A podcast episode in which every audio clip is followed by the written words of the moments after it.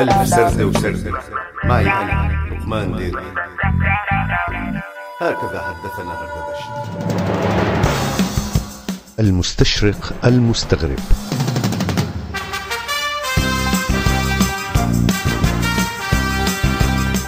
ليش اسمها غربة مو شرقة؟ ليش اسمه غريب مو شريق؟ ليش اسمه مستشرق مو مستغرب؟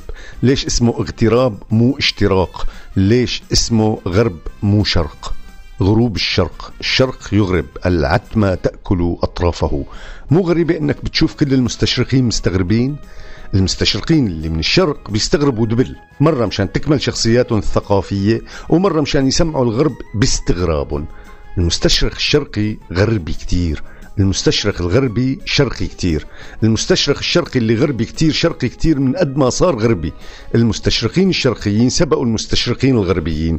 الشهيد كسر حاجز الصمت والنفر كسر حاجز الفيزا.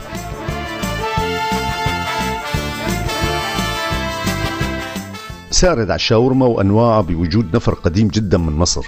جلسنا نستمع إلى موسيقى متفق عليها وغصنا كلهم في عالم.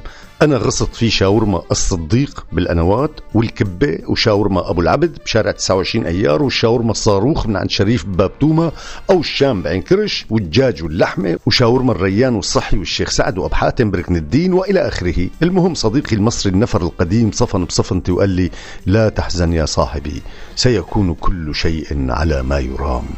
الذكريات غرفة من الوحشة كلما ضحكت فيها عاد إليك الصدى باكيا. حرب تحت السيطرة هردبشت وش وضعيتنا حاليا يا حمود؟ وضعية الفاس بالراس يا عمي. سجل يا حمود الزلم تدوخ بس ما أتحبل. جواهر يا عمي أستيقظ أتعذب أنام. هردبشت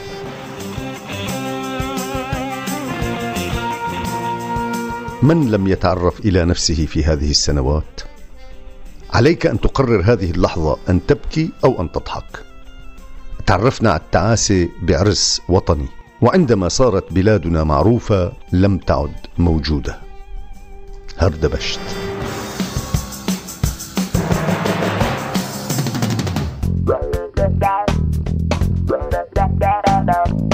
هكذا حدثنا هردبشت.